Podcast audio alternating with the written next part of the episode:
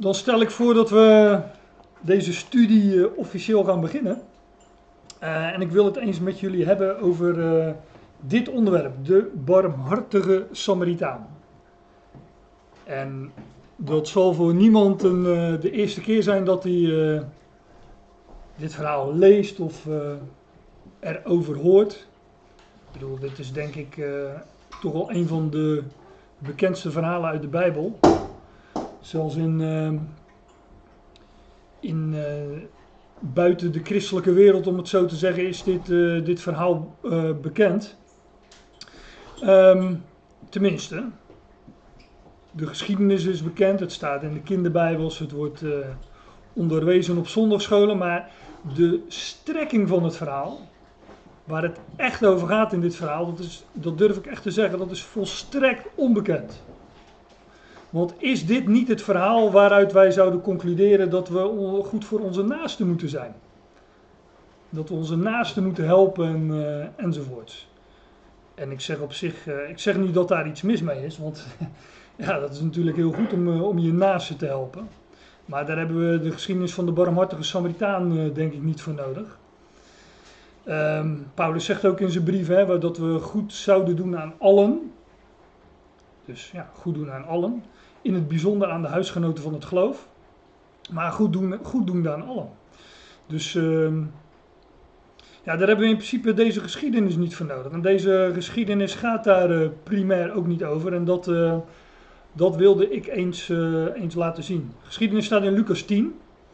Ik wilde eerst een, eh, een, andere, een ander verhaal, een, andere, een paar andere versen uit hetzelfde hoofdstuk bespreken. Over Maria en Martha. Dat komt hier direct eh, na. Na de geschiedenis, de gelijkenis is het, hè, van de barmhartige Samaritaan. Maar eh, toen dacht ik, ja, die, die, die versen over Maria en Martha, die hebben eigenlijk alles te maken met deze gelijkenis.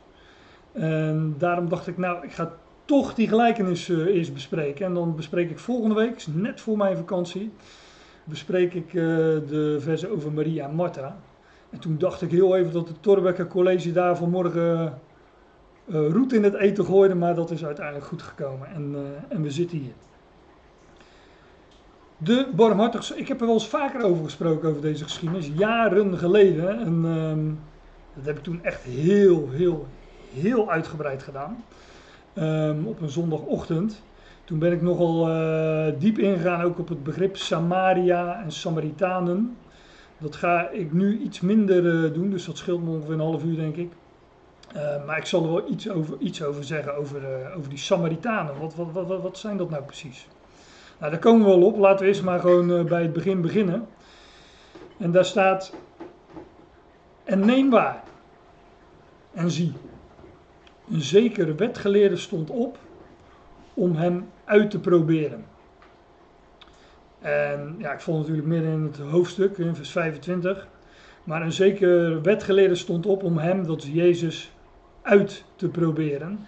En dit woord eh, uitproberen, dat komt een aantal keren voor in het Nieuwe Testament, in het Grieks. Eh, het is opgebouwd uit de woorden uit plus beproeven.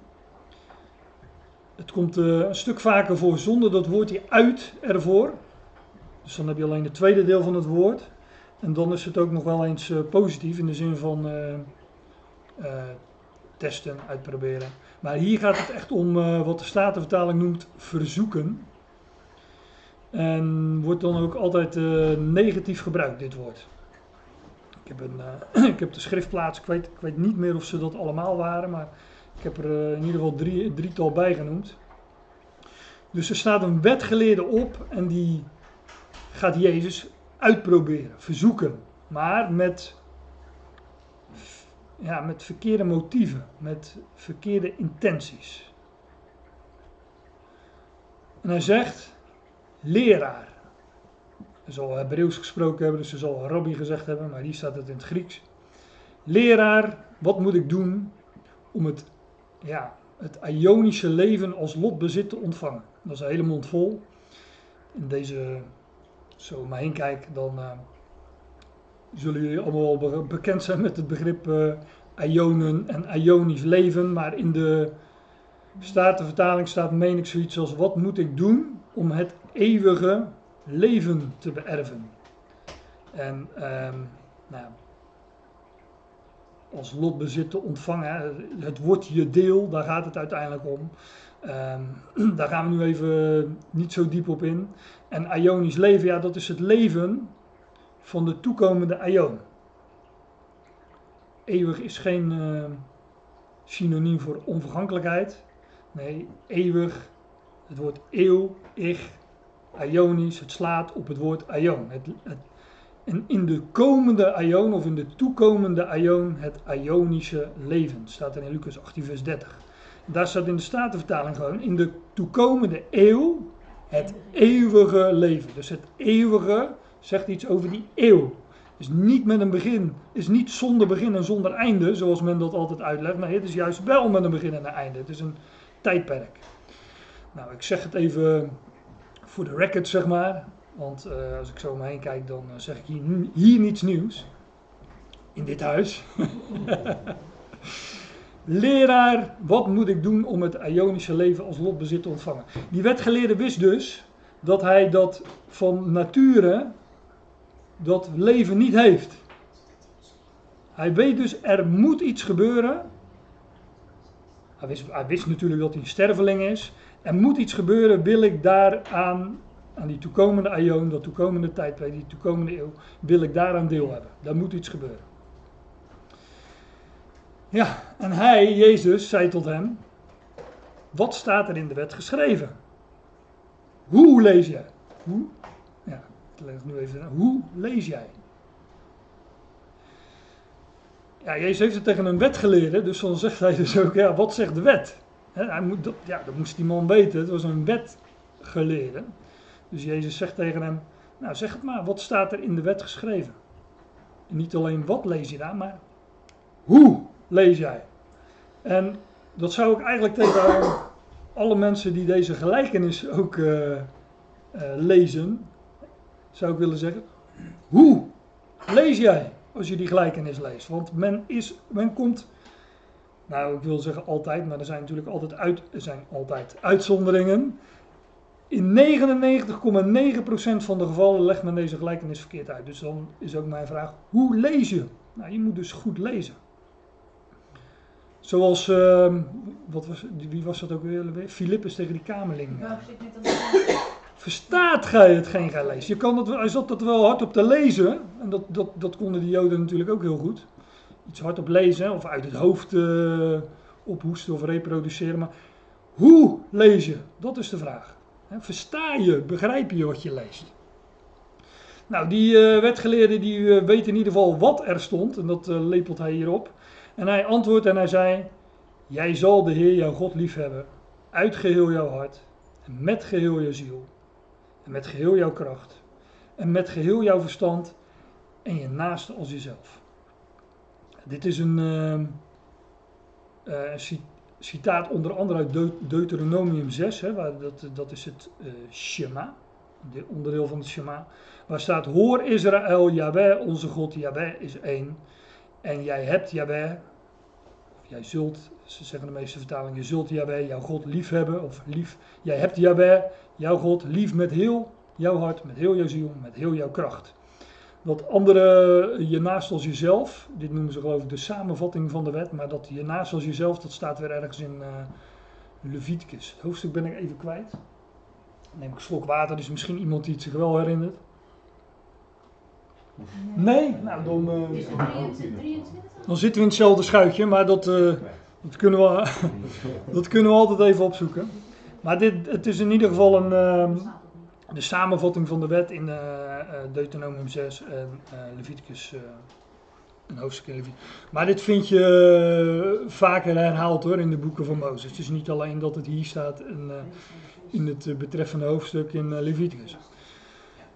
Maar hij antwoordde dus en hij zei: Je zal de Heer God lief hebben uit geheel je hart, met geheel jouw ziel, met geheel jouw kracht, met geheel jouw verstand en je naast als jezelf.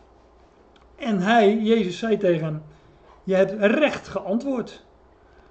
Doe dit en jij zal leven. Ik, uh, dit woordje in de, vertaling van uh, geschriften stond: Jij hebt correct geantwoord. Maar dit woord, uh, ben ze vrij geweest om dat aan te passen. Orthos, dat kennen we allemaal.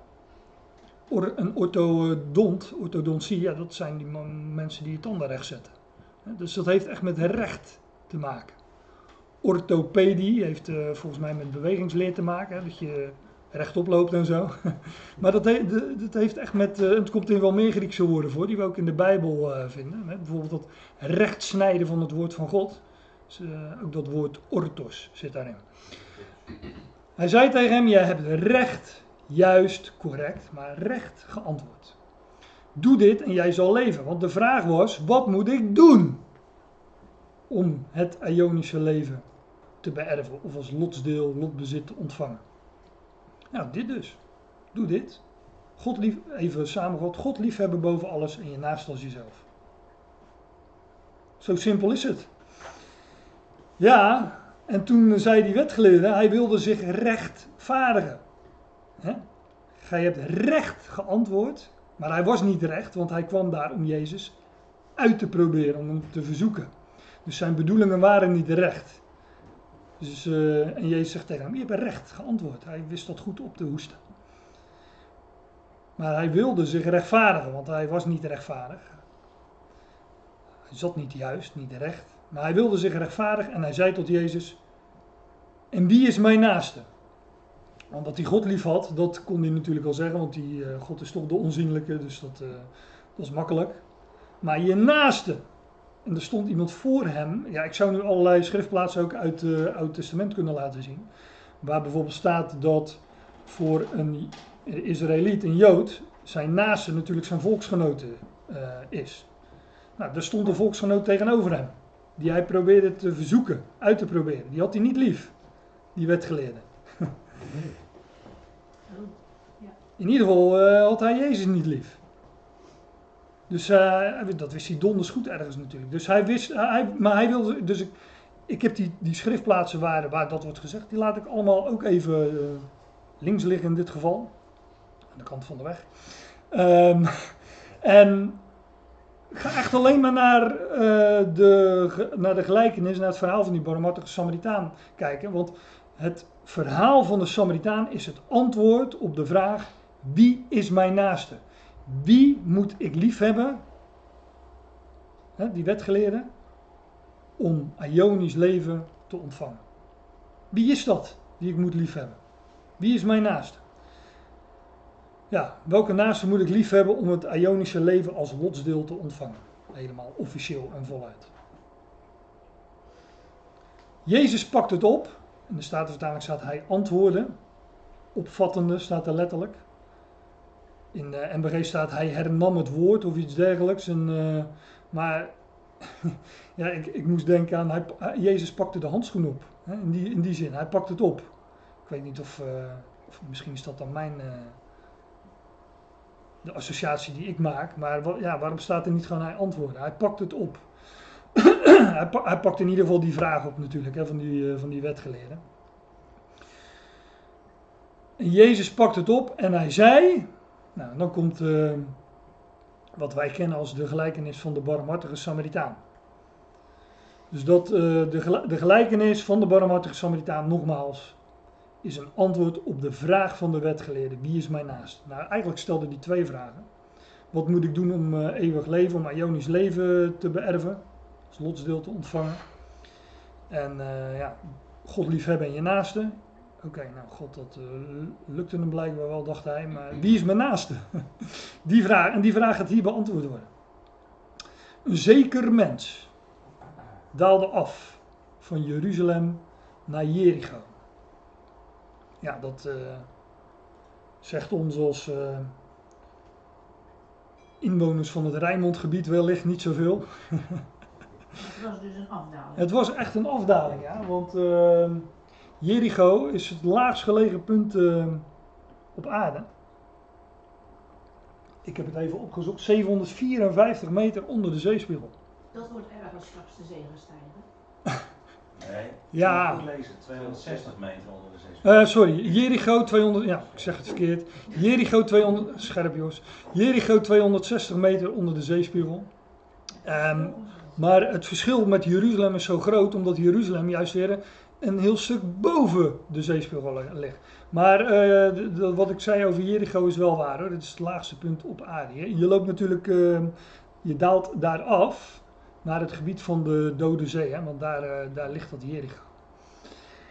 En ja, dat, dat, dat, over Jericho zou je op zich al een, eh, een Bijbels, serie Bijbelstudies over kunnen houden van de betekenis van die stad.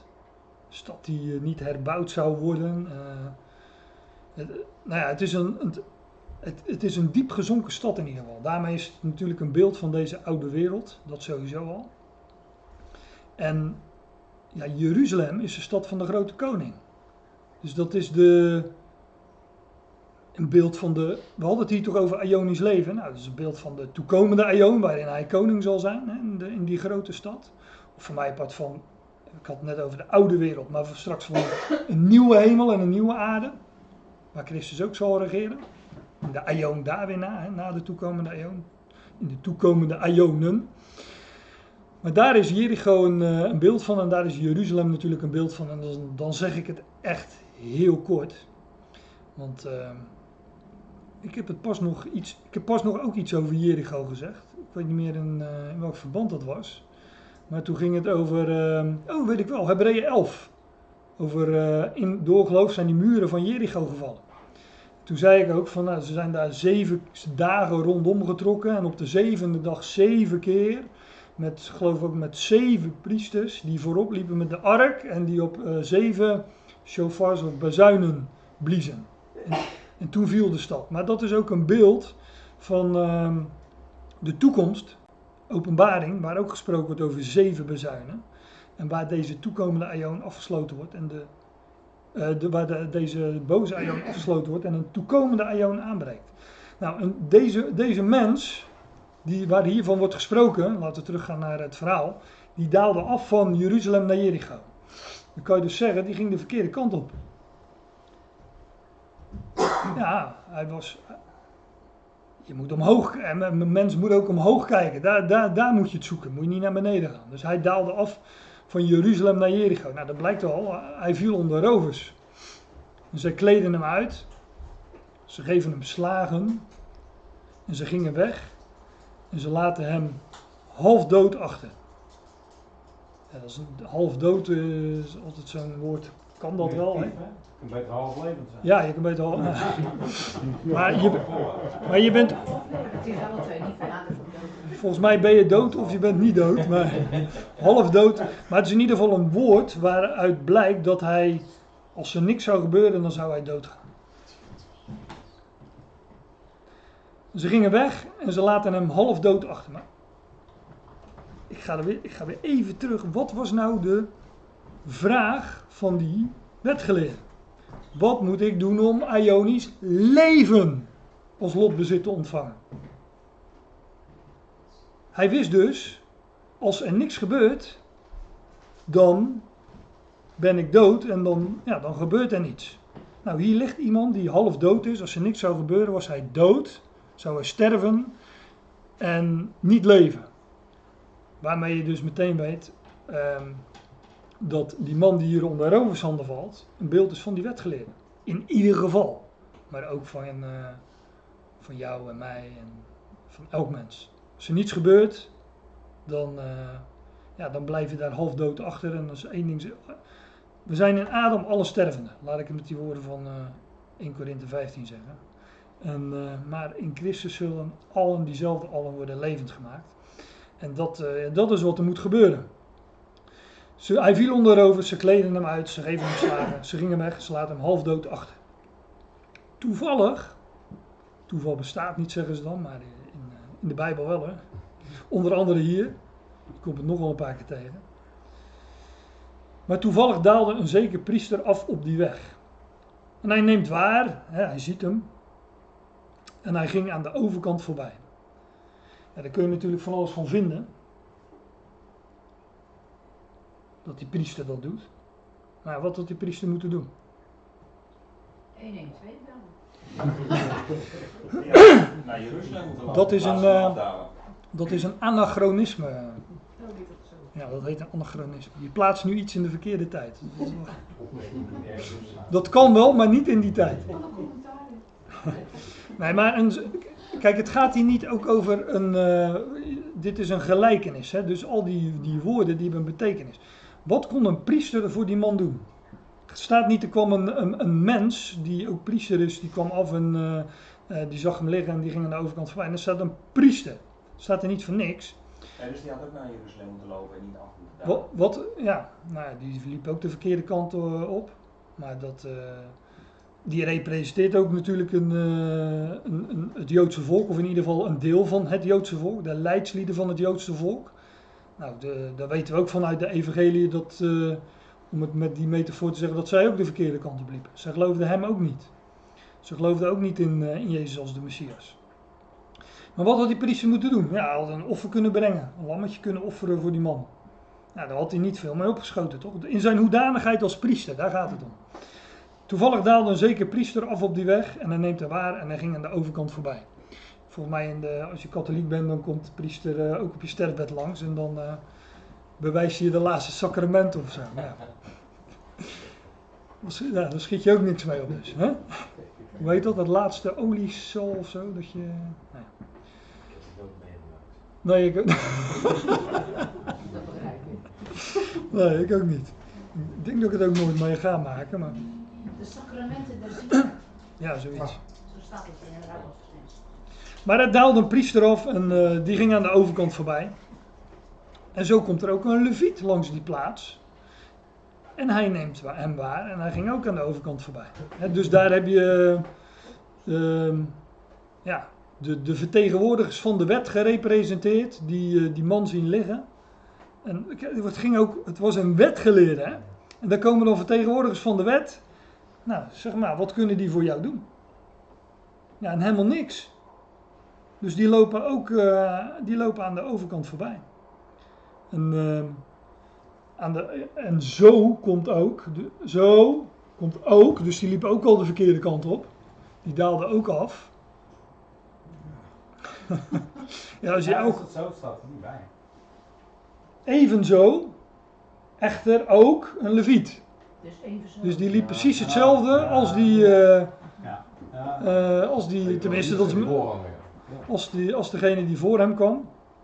En hij ging ook aan de overkant voorbij, want ja, wat kon hij doen als eh leviet? Hij kon de tiende in. Wat had hij nog kunnen doen? ja, daar was die man ook niet eh, wijzer van geworden. Integendeel. Nou, dat geld had hij ook niks meer aan in principe. Waarom aan de overkant? Ja, waarom hebben die vroeger...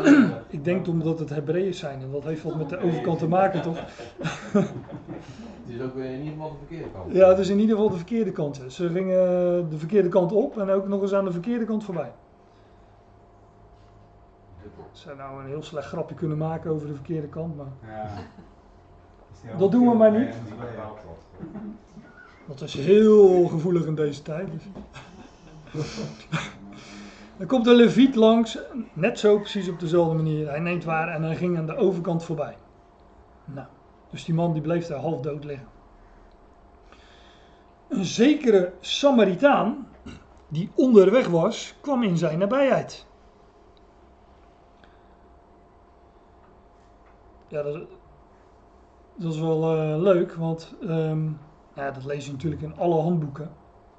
Dat de Samaritanen was in ieder geval een volk dat niet deugde, hè, volgens de Joden. Dat was een, eh, ik zal straks uitleggen waarom dat zo is, eh, een beetje kort. Daar valt heel veel over te zeggen, maar dat was in ieder geval die, die twee volkeren die. ehm, ehm, dat, waren geen vrienden. Dat lees je ook be- bijvoorbeeld in de geschiedenis van eh, de Samaritaanse vrouw. Waar Jezus een eh, gesprek heeft met die Samaritaanse vrouw. En eh, nou ja, de Joden aanbidden in Jeruzalem. De Samaritanen hadden een eigen invulling van hun religie. Die aanbidden op de berg Gerizim. En zij vraagt dan ook, ja, waar moeten we nou aanbidden? Bij, eh, want ze wist dat ze een Jood voor zich had bij, de, in Jeruzalem of op de berg Gerizim. Dan zegt Jezus, nou er komt tijd dat op beide plaatsen niet meer aanbeden zal worden, maar alleen nog in geest en waarheid. Nou, misschien zeg ik daar straks ook nog wat over, over die Samaritaanse vrouw, maar dat was in ieder geval ehm, een volk dat ehm, ehm, door de Joden gezien werd als inderdaad een bastaardvolk. En waarom dat is, dat zal ik straks nog wel eh, eh, wat nader uiteenzetten. Maar opmerkelijk is dat van Jezus ook gezegd werd dat hij een Samaritaan was. Blijkbaar, eh, kijk, Jezus was natuurlijk een, nou ja, buitenechtelijk, een voor, laat ik het wat net zeggen, een voorechtelijk kind. Ja, hij was door de geest verwekt in Maria, eh, voordat zij gemeenschap had gehad met Jozef. En in die zin, daarom zagen de Joden hem als een bastaard. En ja, waarom ze hem dan precies als een Samaritaan eh, zagen, dat weet ik eh, niet helemaal zeker. Maar in ieder geval noemen ze hem ook een Samaritaan. In de, in de evangelie. Johannes 8, dat is- is ook zo'n ho- hoofdstuk waar Jezus heel veel weerstand krijgt van zijn eh, eh, volksgenoten. En je leest dan in vers 48, dus eh, ook hier midden in het verhaal. De Joden antwoorden en zij zeggen tegen hem: Zeggen wij niet terecht dat jij een Samaritaan bent? Dus dat, dat was. ehm, Negatief. ja, dat was, dat was de, ro- de roddel en dat was zeer zeker negatief. Zeggen wij het niet terecht? Houden ze hem hiervoor. Hè? Dus al- dat, dat gerucht hè, dat gaat, dat wij dat, dat wij dat zeggen, van, eh, dat jij een Samaritaan bent. Zeggen wij dat niet terecht? Ei- Eigenlijk is zo'n woord als, eh, wij zouden zeggen, een vuile, vuile Samaritaan. Hè? Het is- niet positief, het is een, eh, ja, het is een bastaard. Ja. Zeggen wij niet terecht dat je, let op, zeggen wij niet terecht dat jij een Samaritaan bent en dat jij een demon hebt? En dan moet je het antwoord van Jezus horen, dat is echt humor. Jezus antwoordde, ik heb geen demon, ik heb niet een demon, maar ik eer mijn vader en jullie onteren mij. Let op wat Jezus niet ontkent. Dat hij, hij ontkent niet dat hij een Samaritaan is. Oors- van naar oorsprong was hij dat wellicht niet. Maar in type, in beeld, was hij het wel. Dus hij, hij, hij, ja, hij ontkent het hier niet. Dat hij eh, eh, een Samaritaan, in welke zin die dat dan eh, wel of niet is. Eh, ik heb geen demon, zegt hij. Maar ik eer mijn vader en jullie onteren mij.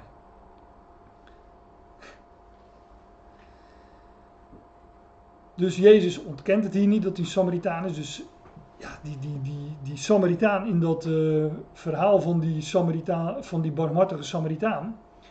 Hij, die Samaritaan, die barmhartige Samaritaan, is een beeld van, van hem. Dat blijkt uit alles in het verhaal.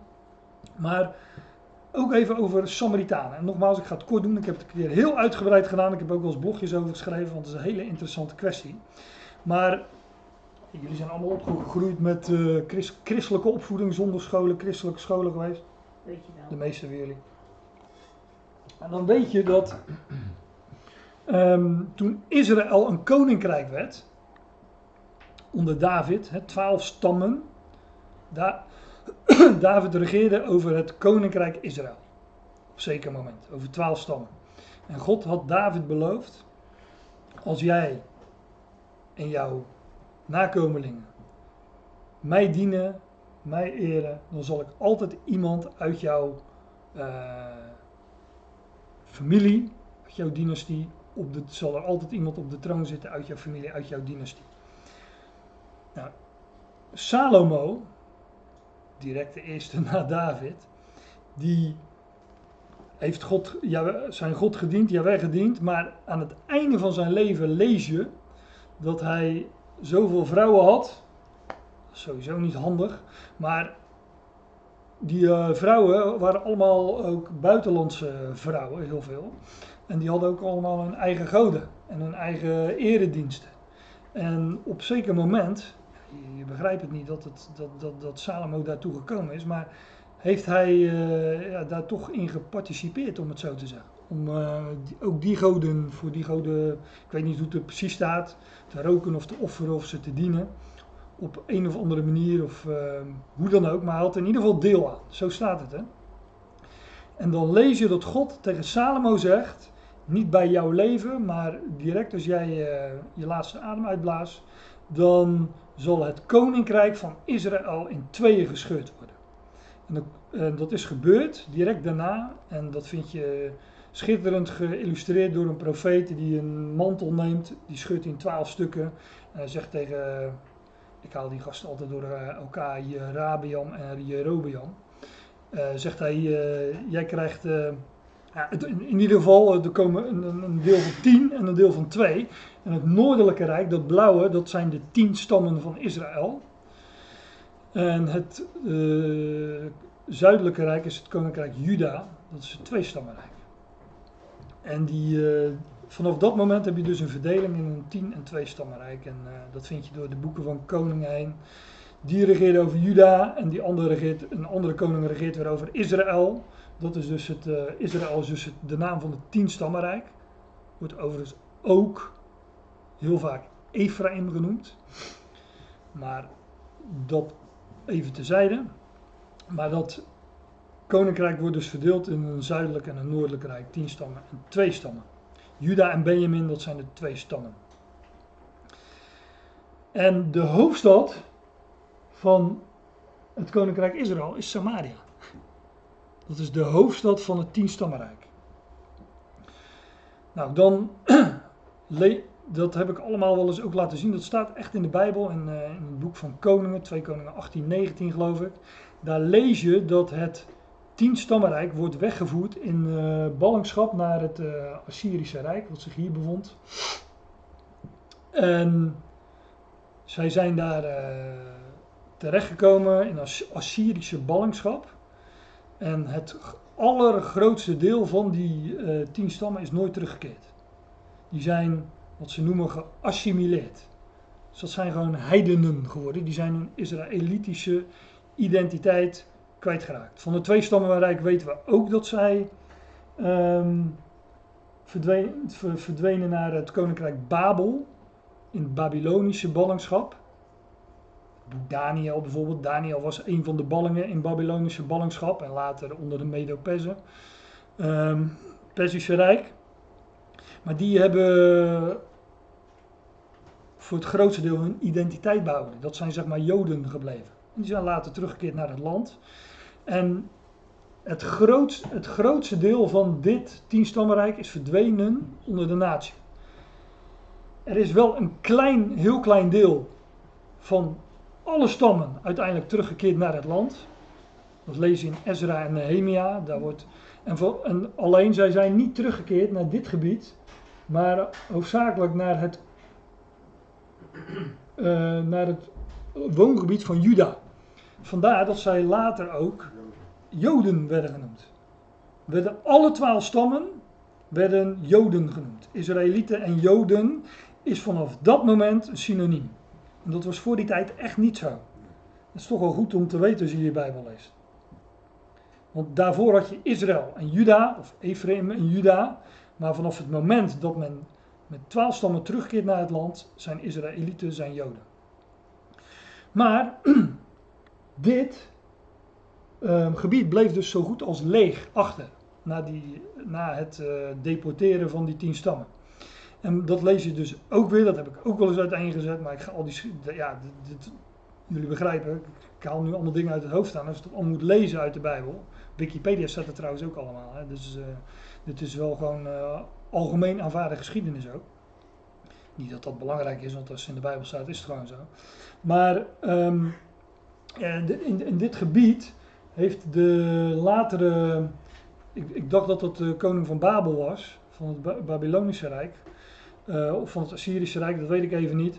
Die eh, heeft gezegd van nou dat gebied daar is leeg. En toen stuurde die inwoners uit allemaal verschillende steden, onder andere Babel, dus vandaar dat ik misschien de, daardoor de vergissing maak, stuurde hij naar dat gebied. Is Babel inderdaad. Hm? Babel.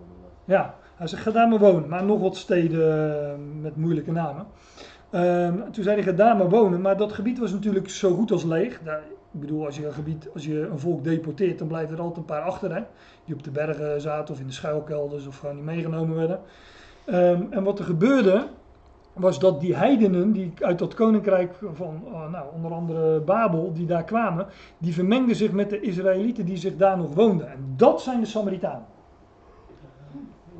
Dus vandaar dat, het zo, dat dat een bastaardvolk is. Dus dat zijn heidenen met, ja, een, een, ik zeg altijd een Israëlitisch luchtje toch wel. Wat zeg jij? Dat zijn heidenen met een Israëlitisch luchtje. Oh ja. En ze zijn, ja, ze zijn toch, eh, het is niet Israël, maar ze hebben zich wel, eh, ja, er zit wel Israëlitisch bloed in, laat ik het zo zeggen. En als je dan, nu maak ik een stap van honderden jaren later, als, onder het Romeinse Rijk, het Nieuwe Testament, als de Romeinen hun, eh, hun rijk opsplitsen in provincies, heb je dus de provincie Judea, hè, Juda, ja, en eh, dus geen Israël meer, maar dan is het eh, Samaria. Want dat is het woongebied van de Samaritanen. En dan heet het dus Samaria. En dat is dus de situatie van het Nieuwe Testament. In de tijd waarin Jezus dat verhaal van die gelijkenis van die barmhartige Samaritaan vertelt, is dit de situatie. En die Joden hadden dus de pest aan die Samaritanen. En dat was omdat zij een bastaardvolk waren. En zij, zij, ja, ze zijn, ze hebben iets met Israël te maken, maar het zijn heidenen.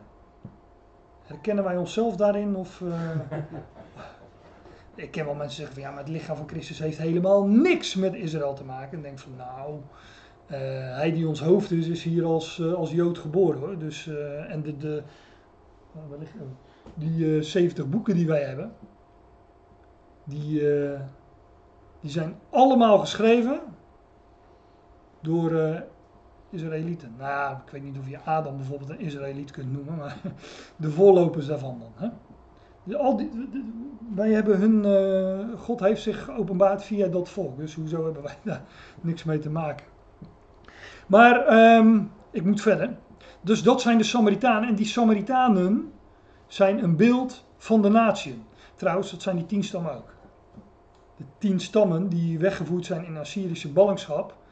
Ja, ik zeg dat, dat, die zijn geassimileerd tot werden heidenen. Die verloren hun Israëlitische identiteit en oorsprong. En die verdwenen onder de natie. Dus dat zijn de natie. Dus later, als Paulus met het evangelie van de genade van God naar de natie gaat, komt het op, in zekere zin toch terecht bij hen die ooit Israëlieten waren, maar eh, dat is geboorterecht verloren hebben en hun identiteit kwijtgeraakt eh, hebben. En dan komt het toch bij, in zekere zin bij hun, onder andere bij hun terecht. Zij die, eh, ook zij waren natuurlijk diep gezonken, want zijn, eh, zij als eh, van oorspronkelijk Israël die hun identiteit verloren, ze hadden totaal nergens aanspraak meer op. En juist daar gaat God naartoe. Met, zijn, met het evangelie van de genade van God. ja, God zoekt altijd het laagste punt op. Dat is wat genade opzoekt. Dus maak je geen illusies. Samaritanen dus. Dat, eh, een, een beeld van, eh, in ieder geval een uitbeelding van de natie. Dus de Samaritaan is eh, een, uitbeelding van het hoofd van die gelovigen uit de natie. Een zekere Samaritaan die onderweg weg was, kwam in zijn nabijheid. Ik denk trouwens dat die Samaritaan, dat, dat staat er niet, maar dat die de andere kant op ging. Wat, het staat sowieso niet dat hij afdaalde. Maar hij was gewoon onderweg. Even kijken, hoe heb ik De. Samaritaan was op reis, staat hier. eh, Ja, Dus en Ja. daar helemaal niet van even zo. Of, Nee. Nee, hij staat, eh, hij staat, er staat dat hij onderweg was. En ehm, ja, ik denk dat hij de andere kant op ging. Goeie. De goede kant op. Maar ja, we, heb- we, we hebben het hier over, ehm, Jezus vertelt een verhaal over een Samaritaan. Die een beeld is van hem. Dat lijkt me nu toch wel, eh, ik hoop enigszins duidelijk. En die is onderweg van uiterste vernedering naar uiterste verhoging. Laat ik het dan zo zeggen. Van Jericho naar Jeruzalem. En wat doet hij onderweg? Nou, dat gaan we zien. Hij neemt waar, hè, hij ziet die man liggen en hij wordt met innerlijke ontferming bewogen. Als ik nou alleen deze zin eh, zou hebben geprojecteerd, eh, out of the blue, en jullie zouden niet weten waar we het over hebben deze ochtend, en ik zou zeggen, hier is iemand die met innerlijke ontferming wordt bewogen. Over wie hebben we het dan? Ja, over Christus, over Jezus. Hè. Hij zag de scharen en hij werd met innerlijke ontferming bewogen.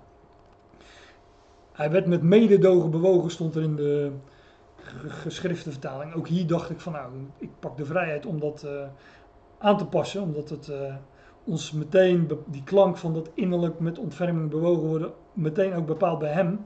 Maar het woord heeft ook met innerlijk, met ingewanden te maken. Hè? Heeft met emoties te maken, maar emoties voel je ook van binnen, in je ingewanden. De buik of weet ik veel waar, maar het hart. Maar hij werd met innerlijke ontferming bewogen. en hij komt naar hem toe en hij zwacht tot zijn wonden. Hij dus wel, hè? En eh, nou, hij giet er olie en wijn op.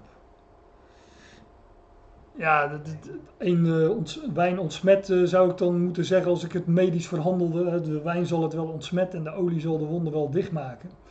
Maar als we bijbelstudie doen, dan zeggen we van ja, olie, een beeld, dat is een beeld van leven. Hier lag iemand half dood langs de kant. Als er niets gebeurde, dan zou hij sterven. En is een beeld van die wetgeleerde, maar van ons allemaal. En wat, er komt dus, de Samaritaan komt langs en hij giet olie en wijn op die wonden. Nou, olie is een beeld van de geest, van, van onvergankelijkheid, die, eh, die olijfboom die zichzelf regenereert, die eigenlijk niet sterft, maar zichzelf re- regeneratie, hè, wedergeboorte. Dat, en de vrucht van die boom, dat is eh, ja, de olijf, maar daar maak je olie van, olijfolie. En olijfolie, dat, dat is natuurlijk in, in de, nou, dat, dat weten ook alle gezondheidsfreaks, dat is ongeveer het meest eh, gezonde wat je, wat je kunt nuttigen. Dat is, sch- schijnt ontzettend goed voor je te zijn, maar je kunt er ook... eh, Anders je kunt. Huh? Anders gaat het. ja, maar dat,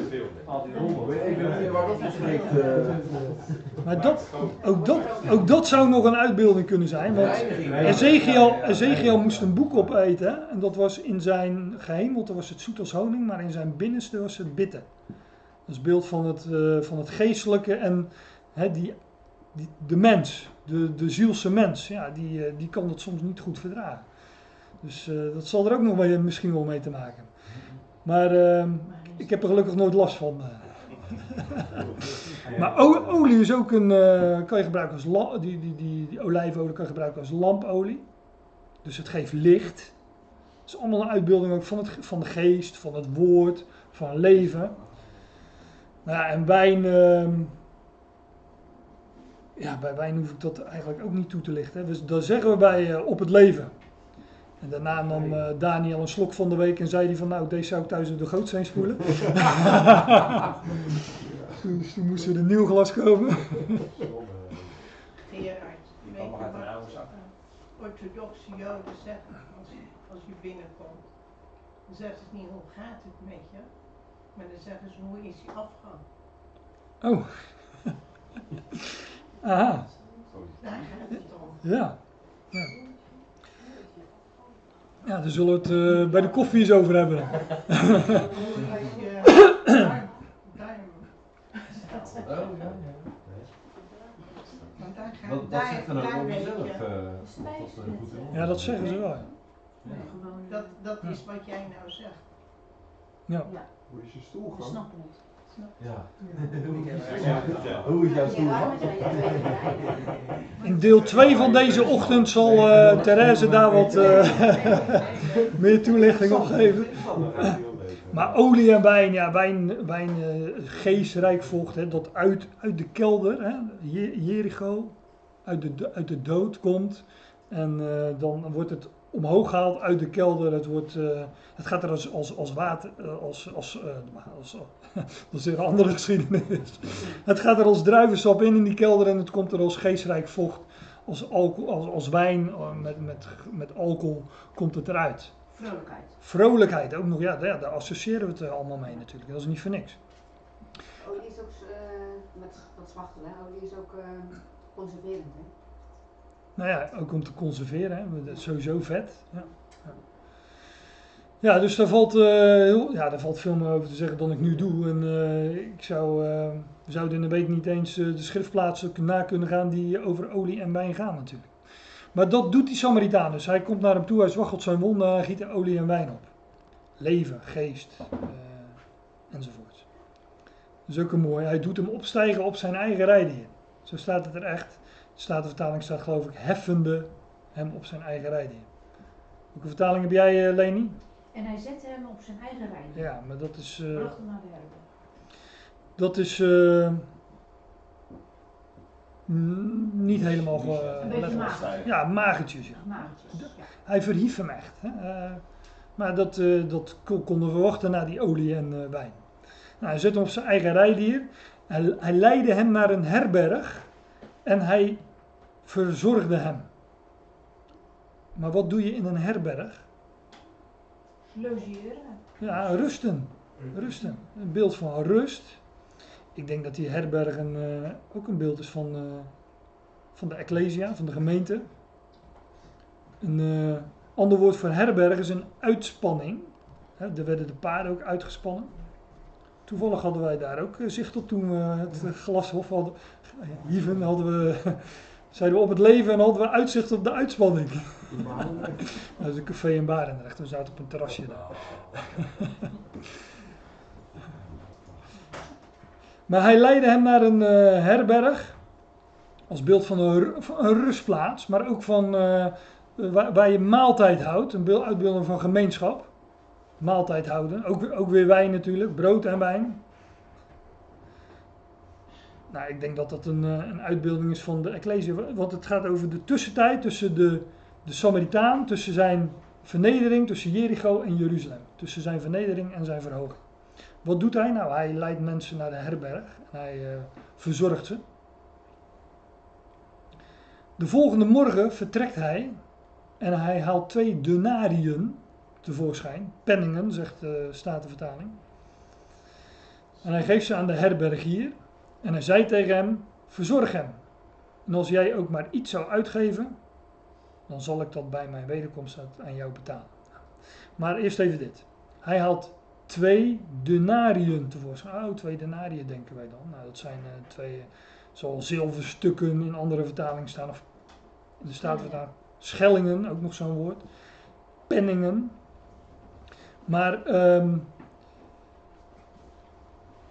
de Samaritaan vertrekt hier. En we weten, hij is een beeld van de Heer Jezus Christus.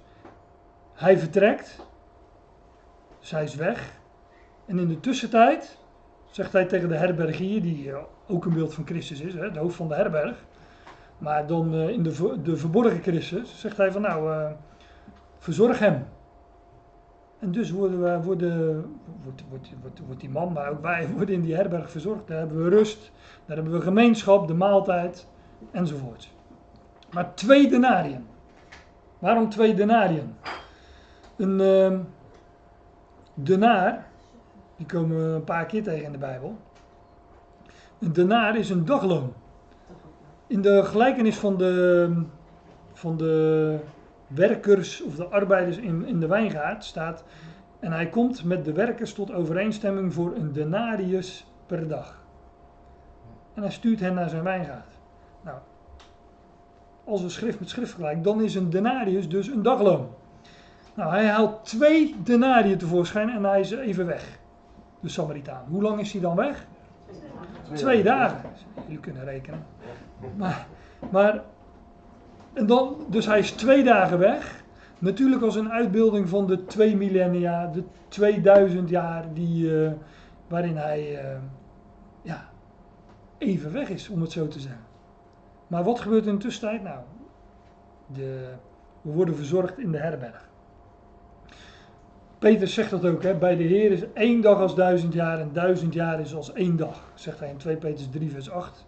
Ik dacht dat ik het hier had staan, dan zal het wel een stukje verderop staan, maar dat, dat, daar gaat die twee dagen over. Die twee denaria, denariën, die twee, twee keer een dagloon, gaat spreekt over één dag als duizend jaar en duizend jaar als één dag. En dat zegt Petrus in 2 Petrus 3, als het gaat over het uitblijven van de komst van de Heer. Hè?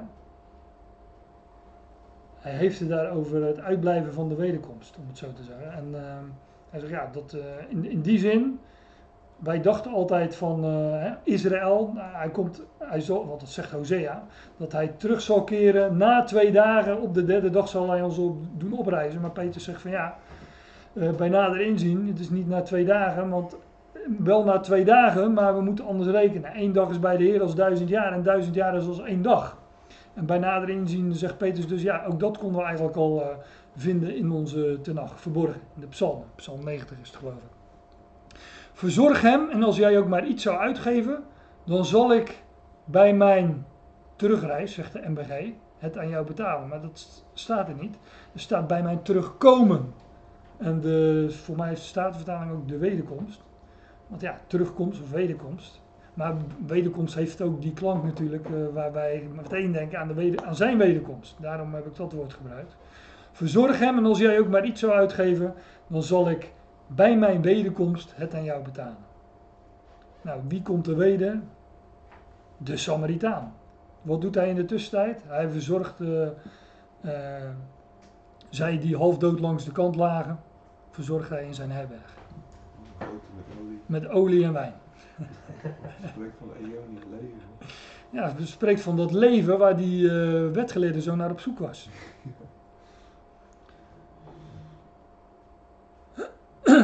Ja, oh hier had ik hem. Na twee dagen zal de Samaritaan wederkomen. Waarbij, ik- ik zei net helemaal in het begin, dat zeg ik dat nu even echt heel snel, over de Samaritaanse vrouw. Dan lees je dat ehm, Jezus, ja, volgens mij was hij onderweg naar, is dat ver terug? Nou, van. Hij was onderweg, dacht ik, van Judea naar Galilea. Jezus. In, in, in Johannes 4 is dat, bij de Samaritaanse vrouw. Dan staat er, hij moest door Samaria gaan. Maar een Jood ging helemaal niet door Samaria, die liepen daar met een boog omheen. Met een omweg. Maar Jezus moest wel door Samaria gaan. En dan heeft hij die ontmoeting met de Samaritaanse vrouw in Johannes 4. Die Samaritaanse vrouw gaat naar haar woonplaats. Ze zegt van nou wat ik nu meemaak, ik, een, man die, die alles over mij weet. En dat, dat, moet, dat moet de Christus zijn, de Messias. En dan lees je dat, eh, dat nou, er komen mensen die geloven dat en die gaan dan zelf naar Jezus toe. En dat, en mensen uit het plaatsje Sigar is geloof ik. En dan, die komen dan terug bij Jezus. En die Jezus spreekt met hen. En dan zeggen ze, nu geloven wij niet meer omdat de vrouw het ons heeft verteld. Maar nu geloven wij omdat, omdat hij het zelf heeft gesproken. Want waarlijk, deze is de redder van de wereld. Dus die Samaritanen, een uitbeelding van de natieën, die komen tot geloof in de Christus als de redder van de wereld. Nou, een schitterend plaatje van onze tijd, waarin de boodschap van de redder van de wereld verkondigd wordt door de apostel Paulus. Maar hoe lang blijft Jezus in Samaria? Twee dagen. Dat je in Johannes 4. Dat, dat hij na twee dagen weer verder reist. Dus hij bleef twee dagen in Samaria. Precies diezelfde twee dagen natuurlijk.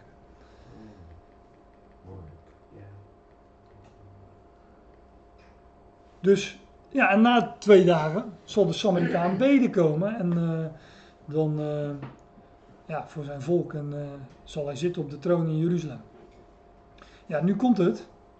Dit is in principe het, eh, dit is het einde van het, eh, van het verhaal, van de gelijkenis. Dat is ook mooi, hè? want dat is, dat is ook typerend. Want gelijkenissen, zeg ik er even bij, Gelijkenissen zijn niet om iets duidelijk, om, om, eh, zijn geen simpele verhaaltjes uit het alledaagse leven, om de zodat de mensen begrepen wat er gezegd werd. Nee, gelijkenissen bevatten juist verborgenheden. De verborgenheden van het koninkrijk, of nou ja, de verborgenheden van het koninkrijk der hemelen. Eh, verschillende termen worden daarvoor gebruikt. Maar gelijkenissen gaan dus allemaal over, in ieder geval de periode dat Christus verborgen is. En zodra het gaat over de openbaring, stopt de gelijkenis. Dat zie je hier ook. Want zijn wederkomst die, eh, van de Samaritaan, die spreekt van de openbaring van het koninkrijk. Wanneer hij wederkomt, wanneer hij geopenbaard wordt, ja, daar, daar gaan de gelijkenissen niet over. Dus hier, eh, dat zie je wel vaker, dan worden die gelijkenissen heel abrupt beëindigd. Neem die gelijkenis van de koninklijke bruiloft. Dan zie je nog net een, een blik in die zaal, maar de bruiloft is het geopenbaarde koninkrijk. Dus daar stopt het verhaal. Ga ze maar nalezen, dat is, elke keer is dat het geval. Maar dat is wel ook een sleutel om die gelijkenissen te verstaan. Jezus zegt dan, wie dan van deze drie, priester, leviet, samaritaan, is naar jouw mening de naaste geworden van de man die onder rovers was gevallen? Wie van de drie? Dat, was een spelletje toch op tv? Ja. ja. Dat, heel oud is dat al. eh, en dat is later nog eens eh, uit, eh, uit de stof naar boven gehaald, geloof ik. Een remake. Wie van deze drie is naar jouw mening de, de naaste geworden van de man die onder rovers is gevallen? Niet wie van deze is de naaste van de Samaritaan. Dat staat er niet. Dat is niet de vraag. Zo wordt het wel altijd uitgelegd, want aan het eind van het verhaal zeggen ja, wij moeten zoals die Samaritaan zijn, onze naasten helpen. Nou, dat ontken ik niet, maar dat zegt niet dit verhaal. Dat zegt niet deze gelijkenis. Deze gelijkenis wordt een andere vraag beantwoord. Wie is mijn naaste? vroeg die wetgeleerde. Wie dan van deze drie is naar jouw mening de naaste geworden van de man die onder de rovers was gevallen? En hij zei, die ontferming of barmhartigheid aan hem gedaan heeft. Hij kon er niet zijn strot uitkrijgen om te zeggen, de Samaritaan. Dus hij zegt, eh, hij zei, die ontferming aan hem gedaan heeft. Ja, die barm, da- daar komt dus die term de barmhartige Samaritaan vandaan natuurlijk. Hè? Die barmhartigheid aan hem bewezen heeft. En Jezus zei tegen hem, ga, tegen die wetgeleerde dus, ga en doe jij ook zo. En nu zegt men over het algemeen, ja, zie je, wij moeten gaan, net als die Samaritanen, en ook zo doen. Nee, daar gaat het niet over. Hier, wordt een hier worden de vragen van die wetgeleerde beantwoord. Daar gaat het over. Wat moet ik doen om eeuwig Ionisch leven te beërven of als lotsdeel te ontvangen? Wat moet, wat moet ik doen? Nou, Jezus zegt in de eerste plaats, jij kan helemaal niks, want jij ligt al half dood langs de weg. Dat, dat zegt hij. Maar hij zegt ook, wil je God liefhebben en je naast als jezelf. Dat is het antwoord sa- samengevat dan natuurlijk. Maar dat, de vraag is, wat moet ik doen om een Ionisch leven te beërven, als lotsdeel te ontvangen? Jawel, uw God liefhebben en je naaste als jezelf. Toen was de vraag, ja, maar wie is mijn naaste? Wie is nu mijn naaste? En toen ging Jezus die gelijkenis vertellen van die eh, eh, man die in rovershanden was gevallen. En dus die van de barmhartige Samaritaan. Wie is mijn naaste? Nou, wat, is nou het antwoord? Wie is mijn naaste? De Samaritaan.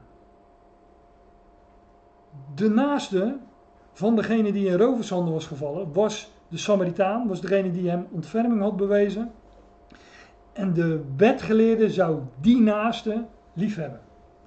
Die naaste die zij ook als ehm leidslieden in het Jodendom ook, waarvan zeggen, zeggen wij niet terecht dat jij een Samaritaan bent, hè, als, als scheldwoord. Dus Jezus, nou, die neemt, die, eh, die, die, die neemt dat over in, de, in deze geschiedenis. En als die wetgeleerde dan vraagt van ja, maar wie is mijn naaste? Wie zou ik dan moeten liefhebben? Wie moet ik liefhebben om mijn Jonisch leven te beërven? Zegt Jezus, mij. Dat zegt hij eigenlijk met deze geschiedenis. Wie is mijn naaste? Dat is in de eerste plaats degene die jouw barmhartigheid bewijst. Degene die jou oppakt als je daar half dood langs de kant ligt en die jouw leven geeft. Die olie en wijn in jouw wonden giet en die jou brengt in de herberg om je daar te laten verzorgen, zodat je rust hebt en, en voedsel en eh, leven in overvloed.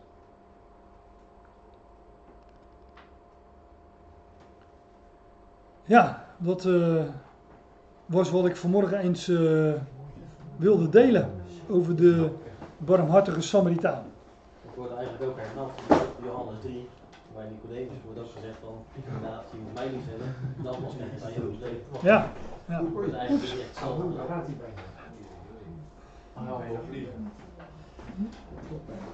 Hij is ook niet gestort. Nee, dat is- Goed, nou we gaan het hierbij eh, laten.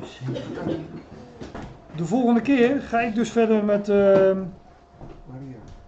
Maria en Martha. En ehm, ik heb erbij gezet, onderwerp is Maria en Martha. En eh, de keer daarop is eh, 15 augustus. Dan eh, ben ik op vakantie en dan is eh, André eh, nou, niet hier. dan het onderwerp of is dan de spreker? Ik heb speciaal voor beide handjes, zoals jij, heb ik het onderwerp volgende keer Maria en Marta en spreker André Piet. Hoe lees jij, Jos van Stralen, hoe lees jij? Lees jij überhaupt wel? Hoezo? Jij, jij bestudeert toch? We. Ik geloof, ik geloof in jou, Gerard. Dus ik volg gewoon jou. Leven. Nee. Jij bent, jij bent mijn Samaritaan. Caroline. Jos, we gaan een bijbelstudie hebben over de